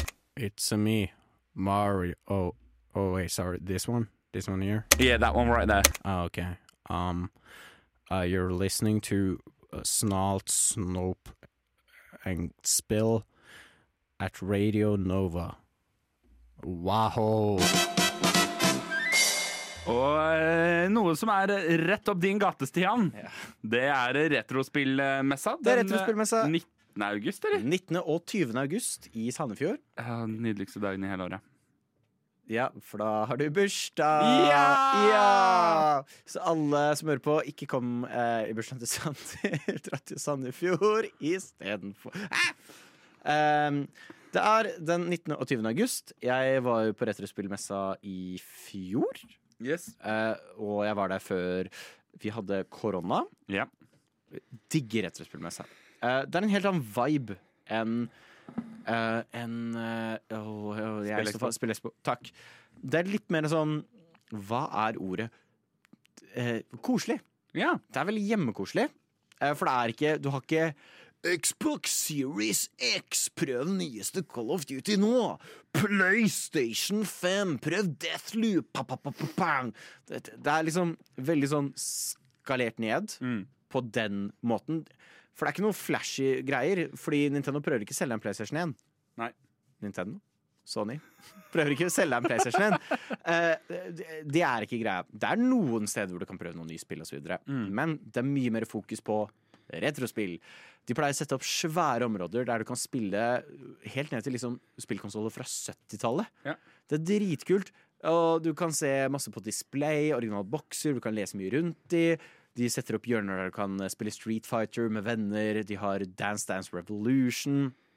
De og selvfølgelig svære områder der du kan bare kjøpe retrospill og konsoller. Kompisen meg kjøpte Gameboy Advance når vi var der. Og så kjøpte han FireRed, jeg kjøpte Leaf Green. Og vi satt flere måneder etterpå satt og spilte Pokémon sammen. Vi kjøpte en link-kabel, så kunne vi trade Pokémoner med hverandre. Fantastisk opplevelse. Jeg kjøpte Metroid eh, Dread Det er feil. Det er det som kommer på Switch. Jeg kjøpte Metroid Fusion uh, til Gameboy Advance og Tringenes herrespill. herre-spill. Og så fikk han også Jurassic Park 3-spill, men det prater vi ikke om. Uh, så det er veldig kult, og du har den muligheten til å faktisk kjøpe. Og det er ganske gode deals noen Mm. steder, ikke alle steder. Uh, jeg så noen Når jeg hadde kjøpt Leaf Green, så gikk jeg litt til en annen bod, og der ble det solgt uh, uten boks for 1500 kroner mer enn hva jeg hadde kjøpt det for. Og det er også mulig til å prute. Jeg fikk Pokémon Ruby for 250 kroner. for jeg var sånn du, Etiketten her er helt fucka. Jeg var sånn Ja, du har rett. Ja, 250. Uh, så det er en veldig kul opplevelse bare for det, fordi vi har ikke så mange sånne steder i Norge. Du er bare omringet av folk som bryr seg om spill. Det er ingen som er der for å se noe Og dette er no shade til e-sport tournaments eller liksom noe sånt. Ja. Det er ikke noen som drar dit fordi Å, det var veldig kult å prøve den nyeste Xboxen. Det er sånn, De drar dit fordi de virkelig bryr seg om spill. Og Ja. de har lyst til å oppleve det. Så det er dritfett. Uh, Outland pleier å være der, ha masse funny stuff osv. osv. Og så har vi gjester. Og de i år har de De, de har faen meg gjester, Sander. Ja. Jeg syns det var dritbra i, i går, faktisk. I fjor. Ja. Da hadde de developers fra Rare, som hadde jobbet på noen av de største spillene i spillhistorien. Og de Mm. hadde John St. John, selveste Duke Nukem, som fortalte om sin reise fra radio til videospill og voice actor. Yes. Ny år! Ho! De får tilbake flere fra Rare. De har de som lagde Banjo Kazooie, Donkey Kong, Country, Golden Eye, 007, Conquers Bad Fur Day, Sea of Thieves. Men så har de fått inn litt musikere òg. Ja. Vi får besøk av, eller de får besøk av Grant Kirkup, som lagde musikken til Banjo Kazooie, Oh. Golden Eye 007, og for de som husker eh, Super Mario-filmen, The DK Rap. DK! Donkey Kong!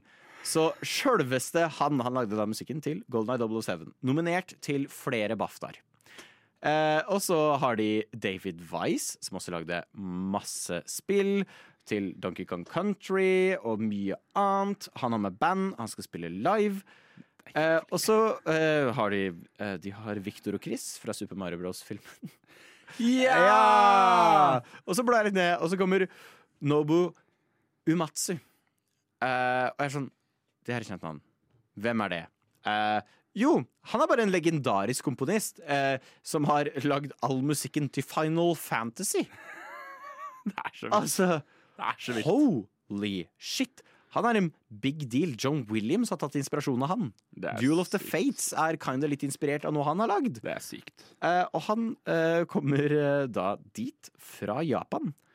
Eh, jeg er litt usikker på om han skal liksom spille noen låter. Mm. Eh, men det står at eh, han er mest kjent for å ha skapt lydsporet til Final Fantasy 7. Et lydspor som han også er kjent for å framføre live. Det Står det. Og jeg føler her, her er det noe hint til noe greier. Absolutt. Uh, så ja, det er ekstremt hype. Uh, har du vært på noe sånt før? Ja, jeg har aldri vært på det før, men uh, jeg skal ikke på det i år heller. Men eh, neste år, kanskje. Ja. Hvis du bare kan slutte å være Retroworld kommer. Hvis du bare, jeg bare nevner det. eh, verden, Hva var det du sa? Verdens kuleste selskap, Retroworld. Ja. Utelukkende kult fordi de har verdens kuleste logo, som er en brennende DeLorean. Jeg bare hiver det ut der. Nei, men eh, det, det virker jo veldig kult. Det er jo et utrolig kult inch. Ekstremt. Og så er det, jeg liker veldig godt hvor det er. Det er i Sandefjord som å dra en stund. Ja. Men jeg hadde det veldig hyggelig i fjor med roadtrip med kompisen min. Vi stoppa ved gatekjøkken på veien, tok oss en god kebab. Fikk litt matforgiftning. Nei, jeg tror ikke jeg fikk det. Ja. Jeg tror det gikk faktisk overraskende bra. Og så er det da i en gymsal eh, i Sandefjord, som er et veldig veldig sånn hyggelig sted å ha hele arrangementet. Så sterk, sterk, sterk anbefaling fra meg. Au, der var bordet. Dra på retrospillmessa. Virkelig. Hva var det du sa for noe? Jeg hørte ikke helt. Dra på retrospillmessa. Uh, jeg er dum. Jeg leser litt videre her. Uh, det blir konsert med Dove Omatsu. Han tar med seg bandet sitt på Hjertenes kulturhus i Sandefjord. Lørdag 19. august klokka seks. Ja. Så hallo! Oh my god, dra på det. Dritfett. Kos deg. Kos deg. Ja, jeg Da sier man takk. Takk! Troika. Snort, snop og spill. Så, så. På Radio Nova. Og Stian, du har fått anmelde i dag. Ja. Jeg vil også. Nei. Jeg vil også. Nei, du har husarrest. Jeg vil også Du har anmelde. Ja, Eh, greit da, du skal få lov til å anmelde. Akkurat som du forrige uke lovte at du skulle anmelde Oxenfree, lovte Ja. jeg forrige uke at jeg skulle anmelde Viewfinder. Å, fy faen, vi har klart å levere begge to. Eh, Det er Det er sjukt, det er ny rekord. Uh, og så må jeg bare, før vi setter i gang, si at uh, Fordi jeg nevner det ikke i anmeldelsen, akkurat som du heller ikke gjør. Jeg spilte på en PS5. Uh, har hørt at det er relativt krevende, så hvis du skal ha det på PC, så bør du ha en ganske grei en. Ja, det går kanskje ikke an å få det på Switch. Nei. Nei, til mening. Og hvorfor? Ja, Det får du svare på når du får høre denne anmeldelsen. Det er et hus. En entrer det blind og kommer ut seende. Hva er det? Dette er antatt å være verdens første gåte og er over 4500 år gammel. Den ble hugget inn i stein av verdens første sivilisasjon, sumerne. Og i tillegg til å være utrolig gammel, er det også en utrolig merkelig måte å starte en anmeldelse på. Men tro du meg, jeg har et poeng med dette. For denne eldgamle gåten beviser ett poeng. Vi mennesker har i flere tusen år forsøkt å finne måter å utfordre hjernen vår på. Og én ting har menneskeheten lært seg gjennom alle disse årene. Det er svært lite som slår følelsen du får når du knekker en virkelig god gåte. Kanskje er dette grunnen til at spill som The Witness, Portal 2 og The Room står igjen som noen av mine best huskede spillopplevelser. Og nå er et nytt slikt gåtespill i ferd med å risse seg inn i gåtespillenes steintavle. Viewfinder, som befinner seg noen få hakk unna å være et komplett mesterverk. Å skulle forklare Viewfinder er ingen enkel oppgave. For dette er et spill som er så visuelt at ord rett og slett ikke virker tilstrekkelig. For de sier at et bilde sier mer enn 1000 ord, og i Viewfinder er dette bokstavelig ment. Premisset i Viewfinder går enkelt forklart ut på å bruke fotografier for å løse forskjellige utfordringer. Og I praksis gjøres dette ved at du holder opp bilder av fysiske objekter som du så kan plassere rundt omkring i nivået. Holder du f.eks. opp et bilde av en bro over en avgrunn, blir broa fysisk plassert inn i nivået, akkurat slik du så det på bildet. Og dette gjelder ikke bare for bruer. Du kan replisere batterier, trapper eller hele segmenter av baner for å snike deg forbi veisperringer og over avgrunner, flytte maskiner eller lage lange sammenhengende løkker av flere bilder for å nå uante mål. Og selv om dette høres veldig komplisert ut, er dette i utgangspunktet et ganske enkelt konsept. Et av typen du fort kan gå lei av i løpet av kort tid. Men den skotske utvikleren Sadal Studios utvider fort verktøykassen din, slik at utfordringene stadig vekk blir nye. Det tar f.eks. ikke lang tid før du blir utstyrt med et polaroidkamera som lar deg ta dine helt egne bilder av omgivelsene rundt. Og det tar heller ikke lang tid før du leker deg med malerier, lyd og perspektiv. Og dette gjør at spillet konstant virker forfriskende. Du må nærmest mentalt nullstille deg mellom hvert enkelt nivå for å ikke bli stående fast. Og med så mange ulike verktøy i kassa er det utrolig fristende å bare leike deg rundt. Og faktisk så er dette mye av poenget. Du oppfordres til det. For det er mens du leker deg rundt med forskjellige løsninger, at du plutselig innser at det er det som må være rett måte å løse dette nivået på. Men dette er ikke det eneste Viewfinder bringer til banen. Spillet gir ordet nytenkende en ny betydning. Det er et kreativt mesterverk på så utrolig mange måter. Ikke siden barndommen har jeg opplevd at en spillopplevelse kan gi meg så fullstendig hakeslepp, og jeg er ikke den eneste som føler på det. Faktisk jobber majoriteten av verdens spillanmeldere fortsatt på spreng for å prøve å forstå hvordan i alle dager dette spillet i det hele tatt kan eksistere. For så mye av et teknisk vidunder er det. Og enda mer sjokkerende ved Viewfinder er at dette ikke på langt nær er det mest imponerende ved spillet. For det er i det visuelle at varene virkelig leveres. Det er virkelig iøynefallende, beroligende og magnetisk, alt på en og samme tid. Stilen kan beskrives som minimalistisk og utopisk, fargesatt av en palett som virkelig bidrar til å skape en slags følelse av trygghet. Det føles litt som å drømme. Og selv om minimalistisk absolutt beskriver stilen, er den fylt av detaljer som virkelig bidrar til å gjøre dette spillet totalt oppslukende. Det er helt sjokkerende bra. Dessverre klarer ikke historien å leve opp til det samme eksempelet.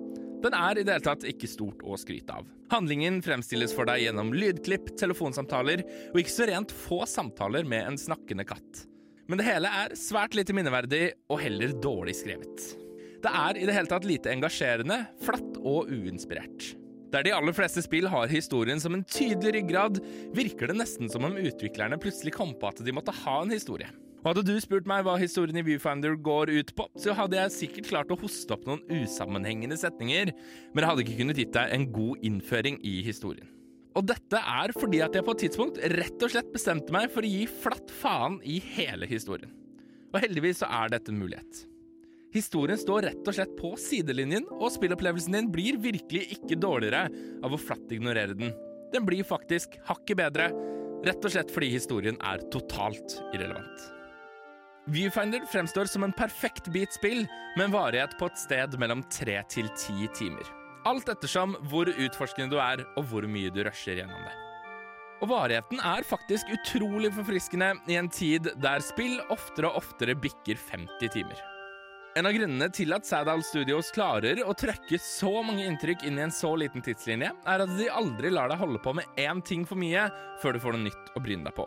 Dette fører dessverre til at jeg sitter igjen med en følelse av at jeg ikke har fått leke meg nok med de ulike mekanikkene, samtidig som dette også fører til at spillet på ingen måte virker gjentagende.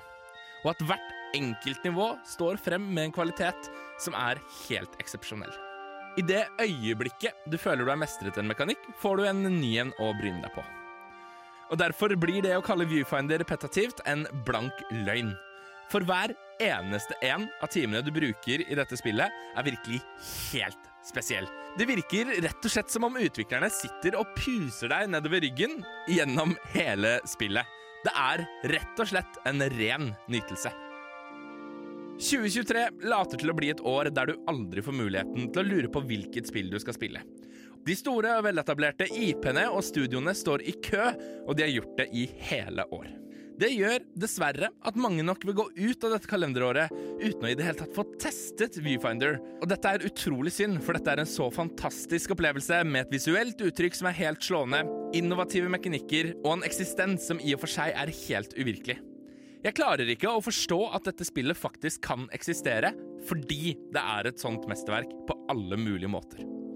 Eller nesten alle, for det var denne historien, da. Den er verken innovativ, interessant eller strengt talt nødvendig. Hadde det ikke vært for dette tafatte forsøket på en historie, hadde Viewfinder uten tvil vært oppe og luktet på absolutt toppscore. Fordi jeg klarer rett og slett ikke å få anbefalt det nok. Og selv om historien er såpass tilsidesatt i spillet at du kan totalt ignorere den, må det dessverre bidra til å trekke ned spillet. Viewfinder ender derfor på 87 av 100 troikabarer, og jeg velger å ta av meg hatten for både skotske Sadal Studios og norske Nok Nok Audio, som har laget musikken i dette spillet, som vi har fått nyte gjennom hele denne anmeldelsen. For her er det rett og slett snakk om et utrolig godt håndverk. Og skulle du lure på svaret på den sumerske gåten i starten, så er svaret en skole. Så veit du det.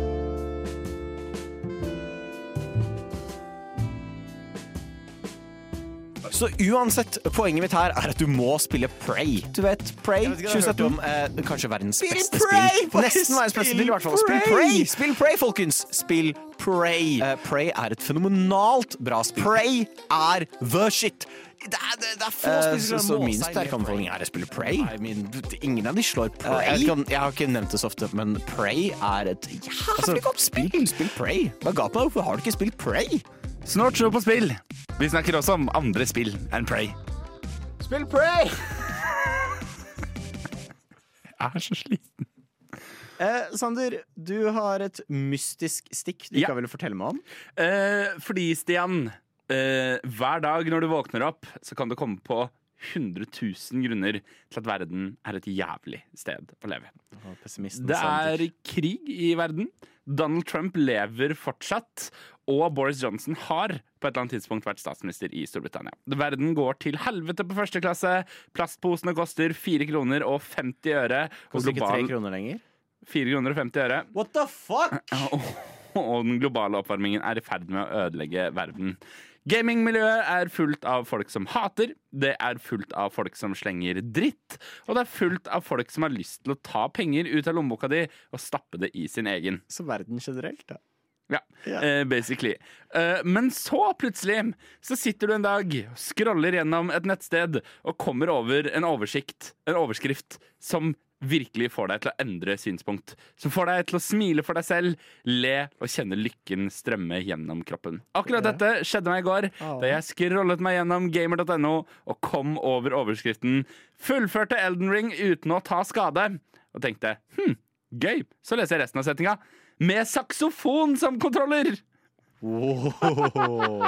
Og jeg tenker, altså, Dette beviser for meg at menneskeheten er det mest fascinerende som finnes i hele verden. Det er også veldig gøy, fordi dette er et sånn spesifikt fenomen, spesielt rundt Dark Souls, altså Soulsborne-spillet. For jeg har, sett, jeg har sett en som spilte ferdig hele Dark Souls 1, 2 og 3 med en Guitar Hero-kontroller. Det er fantastisk. Jeg klarer det ikke med en vanlig kontroller.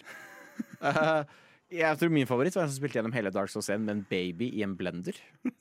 Den var en, eh, ikke en ekte baby, uh, burde vi spesifisere. Uh, babydokke oppi en blender, hvor du, hvis du fritter på huet, så gjorde det en ting. Og så var det krise. Altså, så det er kjempekult. Det er fantastisk. Så jeg som spilte Overwatch 2, spilte apekatten der med bananer. Ikke sant? Du skjønner jo at verden er et nydelig sted å leve. Du skjønner jo det. Så absolutt. Hva er det du har tenkt? Hva er ditt favorittspill, Sander? Eh, for nå begynner jo jeg å lure på hvordan skal jeg slå dette. Jeg lurer på Half-Life mm, 2 med munnspill. Ja. Jeg tenker du burde gjøre noe tematisert. For eksempel Portal 2 med en potet. Hadde jo på en måte vært riktig tema til spillet. Jeg tenker gi meg vanntett TV. Eh, synk meg under vann og la meg spille Bioshock eh, på bunnen av Atlanterhavet. Eh, jeg antar jeg kan ta kontakt med Ocean Gate for å få ordna det. Tror du ikke det? Jeg har lyst til å spille Minecraft på bare en bit plen. Men, ja, ja, det Bruk en bit plen Det som konsoller. burde gå fint. Bare for guds skyld ikke begynne å gjøre noe med Fallout, for det er en dårlig idé. Det er en særdeles dårlig idé. Kjære deg, altså Livet smiler. Verden er fantastisk. Noen fullfører Elden Ring på tre timer uten å ta skade. Uten å ta skade med en saksofon som kontroller. Så mye gøy sånt. Fikk du med deg Let Me uh, Og hva het den? Let Me Finisher? Ja. Som var denne Elden Ring-spilleren som slet så fælt med en boss, som var den vanskeligste bossen i spillet. Som bare trente seg opp til å bli perfekt på den bossen. Det, han klarte å ta den uten å ta skade, bare sånn hele tida. Han er kliss naken, bortsett fra en potte på huet og to lange katanaer. Og så eh, tar han og legger ned sånn at hvis folk sliter med Melania, tror jeg hun heter, så dukker han opp. Han legger ned liksom calling-signet sitt, så du kan summone han. Så han er sånn Let me finish her. Så bare går han inn og tar bossen for deg. Så han, ble en så stor legende at uh, han fikk et tilsendt kopi av sverdene sine fra From Software. Så, altså, det er så mye sånne kule ting som dukker opp. Verden er et nydelig sted, og det er harmoni i livene våre. Man blir glad når sånt Man blir glad når Har du sånt opplevd noe sånt når liksom bare Jeg vet ikke Når gamere Jeg hater å bruke gamere. Når, liksom, når du spiller spill, og så plutselig bare skjer det noe veldig overraskende holdsomt. Nei. Jeg tror min favorittopplevelse kom fra Overwatch, sjokkerende nok. Hvor vi spilte competitivt. Ja, ja, ja, ja. Og så var motstanderlaget sånn sinnssykt toxic. Og de bare rage-quitta. Alle bortsett fra én. Så vi satt der, eh, og det var bare én person igjen. Mens vi var hele laget vårt. Så ble vi bare alle enige om Fuck it. La oss bare sitte et sted på en gate og drive og leke rundt med emotes og sånt. Så det ble en draw. Så den personen så ikke fikk et urettferdig tap. Det er så jævlig gøy. Ja, det var veldig overraskende holdsom. Og det var før det var sånn chat og sånt. Mm. Så vi kunne ikke chatte med den personen, som du kan nå i Overwatch 2.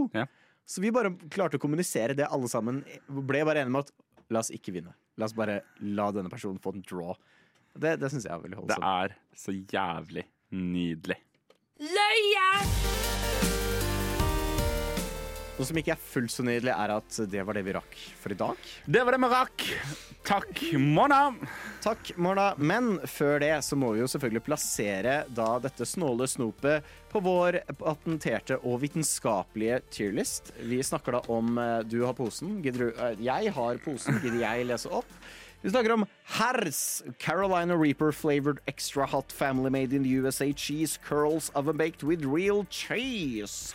Som jo eh, du tok med inn hit i frykt for at vi begge to skulle ligge og dø på gulvet. Jeg håpet du skulle være en F. Men det var kjempedigg. digg. Det var Altså, dritnice. Jeg har en sånn stresstrek, kjenner jeg, i panna. Jeg tror det er på grunn av det, men det var så digg. Jeg tror vi ble enige om en B. Ja, ja. Det er en B. Dette er en sylsterk B. Sjokkerende nok en B. Uh, så ja, anbefales. Jakten på F-en fortsetter, med andre ord. Jakten på F-en fortsetter. Og hvis du har lyst til å være med på den jakten, så er det bare å følge oss på alt av sosiale medier. Eller nesten alt. Vi er på Instagram, Snalt Snåp og Spill. Vi er også på Facebook. Også på Facebook. Vi er også på Twitch. Finn oss der. Og ikke nok med det, du finner oss hvor enn du hører podkast. Du, du, du, du, du, kos deg videre Ja, i den videre. nydeligste måneden i hele året som nå er over oss. Vi er tilbake om to uker. Ha en fin helg. Peace out. Ha det bra. Ha det.